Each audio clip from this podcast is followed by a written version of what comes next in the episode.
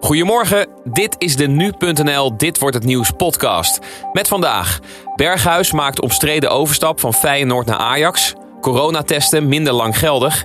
en de zaak die draait om de liquidatie Dirk Wiersum gaat vandaag verder. Dat allemaal straks. Eerst krijg je kort het nieuws van Nu.nl. Mijn naam is Joey van der Velde en het is vandaag dinsdag 13 juli. Advocaten Peter Schouten en Onno de Jong hebben meerdere keren aangedrongen op betere beveiliging van misdaadjournalist Peter R. de Vries.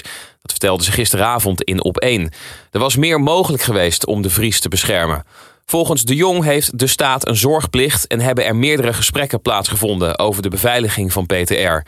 Schouten en de Jong lieten eerder aan RTL Nieuws weten door te gaan met de verdediging van Nebel B., de kroongetuige in het Marengo-proces. Wie in Frankrijk vanaf 1 augustus naar het café wil of het restaurant of een winkelcentrum wil bezoeken, is verplicht een coronacertificaat te overhandigen. Dat heeft de Franse president Macron maandagavond bekendgemaakt tijdens zijn tv-toespraak. De gezondheidspas is ook nodig om te reizen met de trein of het vliegtuig.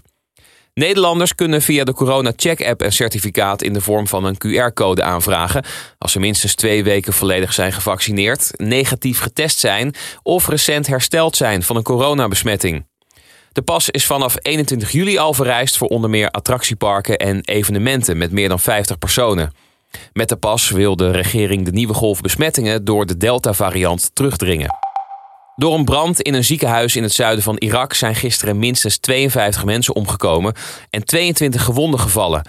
Het vuur brak uit op de COVID-afdeling van een ziekenhuis in de stad Nisiria ten zuiden van de hoofdstad Bagdad. In de provincie is de noodtoestand uitgeroepen, zodat de hulp kan worden ingeroepen van artsen die op vakantie of met pensioen zijn. De oorzaak van de brand op de corona-afdeling is waarschijnlijk een ontplofte zuurstoftank. In april dit jaar brak er ook een grote brand uit in een coronaziekenhuis in Bagdad. Er ontplofte toen een zuurstoftank op de IC-afdeling. De Engelse voetballer Marcus Rashford die heeft gereageerd op de racistische berichten die hij kreeg op social media na het missen van een penalty tijdens de finale van het EK. Hij kan best tegen de kritiek die hij kreeg. De penalty vond hij zelf ook niet goed genoeg. Maar ik zal nooit sorry zeggen voor wie ik ben en waar ik vandaan kom, aldus Rashford. De opmerkingen werden hard veroordeeld door onder meer het Britse Koningshuis, de Britse premier Boris Johnson en de Engelse Voetbalbond. Twitter heeft inmiddels duizenden opmerkingen van het medium gehaald. En door een ernstig busongeluk in Bolivia zijn er zeker 34 mensen omgekomen. 10 passagiers raakten gewond. De bus was op weg naar de hoofdstad Sucre, maar raakte van de weg en stortte meer dan 100 meter naar beneden. Hoe het ongeval heeft kunnen gebeuren is nog onduidelijk. In maart stortte een bus op de route tussen Santa Cruz de la Sierra en Cochabamba naar beneden. Op de bergwegen van de Andeslanden zoals Bolivia of Peru gebeuren vaak ernstige busongelukken. En dan kijken we nog even naar de agenda van vandaag. De transfer van Steven Berghuis van Feyenoord naar Ajax is rond. De aanvaller tekent een contract voor vier jaar in Amsterdam. Ajax zou naar verluid een transferbedrag van maximaal 5,5 miljoen euro voor hem hebben neergelegd. En de supportersvereniging van Feyenoord snapt de hoog opgelopen emoties bij de fans. Nu bekend is geworden dat hun aanvoerder de overstap maakt naar de grote concurrent. Collega Julien Dom praat erover met voetbalverslaggever Riepke Bakker. Nee, nee, dit is uh, een sensationele transfer.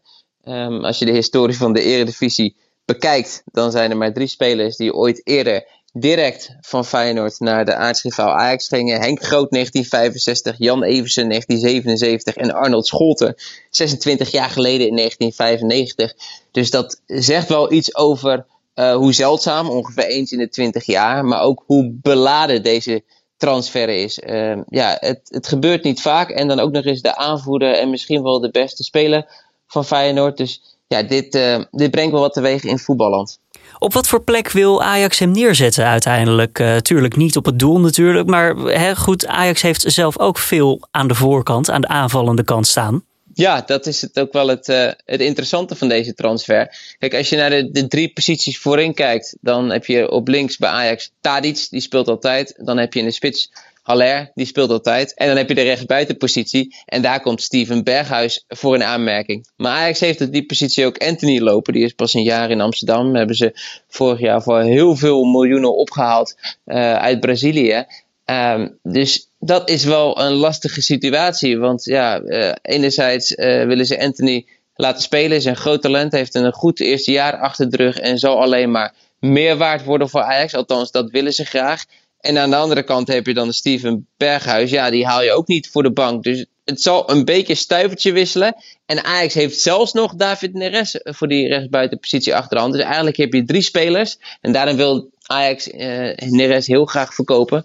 Uh, maar dat is vooralsnog niet gelukt. Uh, ja, dus vooralsnog uh, is het geen uitgemaakte zaak dat Berghuis altijd gaat spelen. Oftewel, Berghuis die moet hier zelf ook wel flink over na hebben gedacht. Van wat haalt hij eruit? Want ja, bij Feyenoord was het toch redelijk een ja, speler die gewoon opgesteld werd zodra het kon. Ja, nee, bij Feyenoord was hij onomstreden. Hij was de aanvoerder. Hij, uh... hij, was de hij was het hart van het team misschien wel. Nee, hij was de man met het rendement. Zonder Berghuis uh, scoorde Feyenoord minder. Omdat Berghuis heel veel scoorde. En omdat Berghuis heel veel assist uh, gaf. Dus ja, je, de angel is er wel even uit bij het, het spel van Feyenoord. En ja, daar draaide alles om hem. Uh, dat zal bij Ajax anders worden. Ajax is kwalitatief uh, ja, beter op dit moment. Uh, Ajax is Champions League en Feyenoord is Conference League. Dat is ongeveer het verschil zoals je dat moet zien. Dus het zal wennen voor worden voor Steven Berghuis. Aan de andere kant, hij speelt ook bij Oranje en daar heeft hij ook een, nou ja, laten we zeggen, een, een, een rol die af en toe basisspeler is, maar vaak ook niet. Maar wat haalt hij er dan uit? Want het wordt wennen voor hem, maar waarom zou hij hiermee akkoord gaan? Kijk, er zijn twee simpel gezegd twee redenen om een transfer te maken. Nou, dat heeft een financiële kant. Je kan heel veel meer geld verdienen. Of uh, B is je kan meer prijzen winnen op een, op een hoger niveau gaan spelen. Nou, Berghuis verdiende bij, bij Feyenoord al een, eh, een fantastisch salaris. Uh, maar kan bij Ajax nog ietsje meer gaan verdienen. Maar wat echt voor hen de doorslag geeft, dat is het sport, de sportieve kant. Bij hij is 29. Bij Feyenoord is de kans dat hij nog een keer kampioen wordt, hè, zoals hij in 2017 heeft gedaan, uh, niet zo groot. Er is veel minder budget. Uh, kwalitatief is het uh, op dit moment minder goed dan bij Ajax. En ja, Steven Berghuis wil op zijn 29ste nog prijzen gaan winnen. Wil in de Champions League gaan spelen. Nou ja, de kans dat je bij Ajax kampioen wordt, dat je de beker wint en dat je nou ja, veel Europese wedstrijden gaat spelen, is simpelweg groter dan bij Feyenoord. Dus ja, het is ook een stukje sportieve uitdaging. Als laatste vraag dan, Riepke. Denk je dat het nog door zijn hoofd zal spelen wat Feyenoord-fans nu van hem vinden? Of wat Ajax-fans misschien van hem vinden? Want hij komt, ja, hoe je het ook zegt, van de andere kant. Of hij gaat naar de andere kant. Ja, natuurlijk. dat is wel iets wat hij uh, zich moet realiseren. Kijk, de Ajax-fans, over het algemeen uh, zie je de tendens dat ze hem met open armen ontvangen. En aan de andere kant, uh, bij Feyenoord, ja, daar haalt hij zich uh, heel veel op de hals. De supportersvereniging van Feyenoord die heeft uh, net gezegd: blijf rustig, maar laten we Berghuis zo snel mogelijk vergeten. Alsof hij uit de clubgeschiedenis geschrapt moet worden. Het is ook te hopen dat het nou, rustig blijft, want hij zal een hoop over zich heen krijgen, een hoop verwensingen naar zijn hoofd krijgen. En in december, dan is het Feyenoord Ajax. In een, laten we hopen, volle kuip. Dat het allemaal uh, kan of nog steeds kan met, uh, met de, onder de coronamaatregelen. Ja, en dat zal een heel beladen duel worden. Dan zal er een enorm vijandige sfeer zijn uh, richting Steven Berghuis. Ja, en ehm, het is te hopen dat, het allemaal, nou ja, dat hij daar allemaal op een goede manier mee om kan gaan. En dat was voetbalverslaggever Riepke Bakker. Die was in gesprek met mijn collega Julian Dom over de transfer van Feyenoord-aanvaller Steven Berghuis naar Ajax.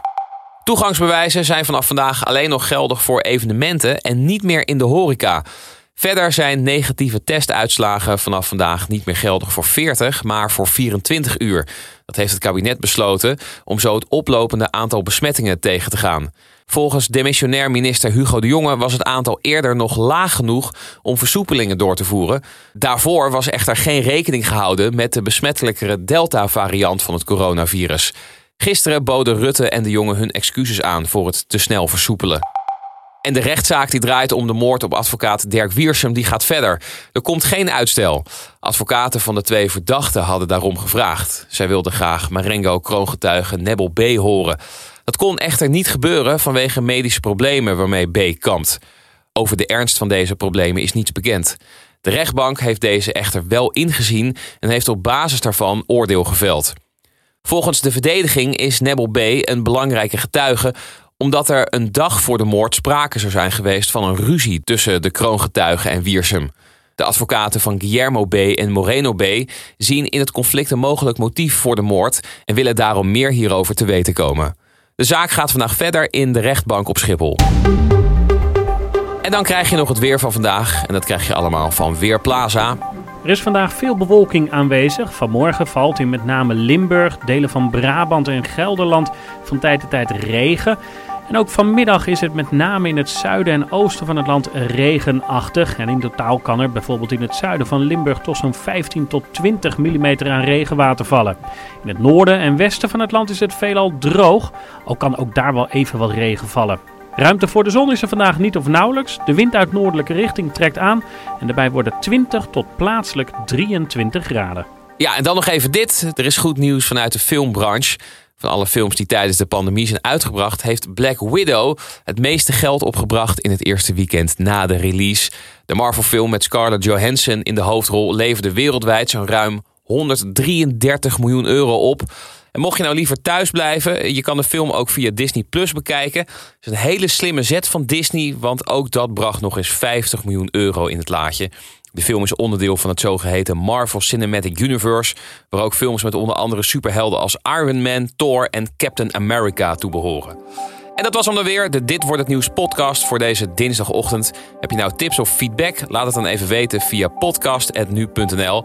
Mijn naam is Joey van der Velde en ik wens je voor nu een fijne dinsdag. En vanmiddag is mijn collega Julien Dom er weer.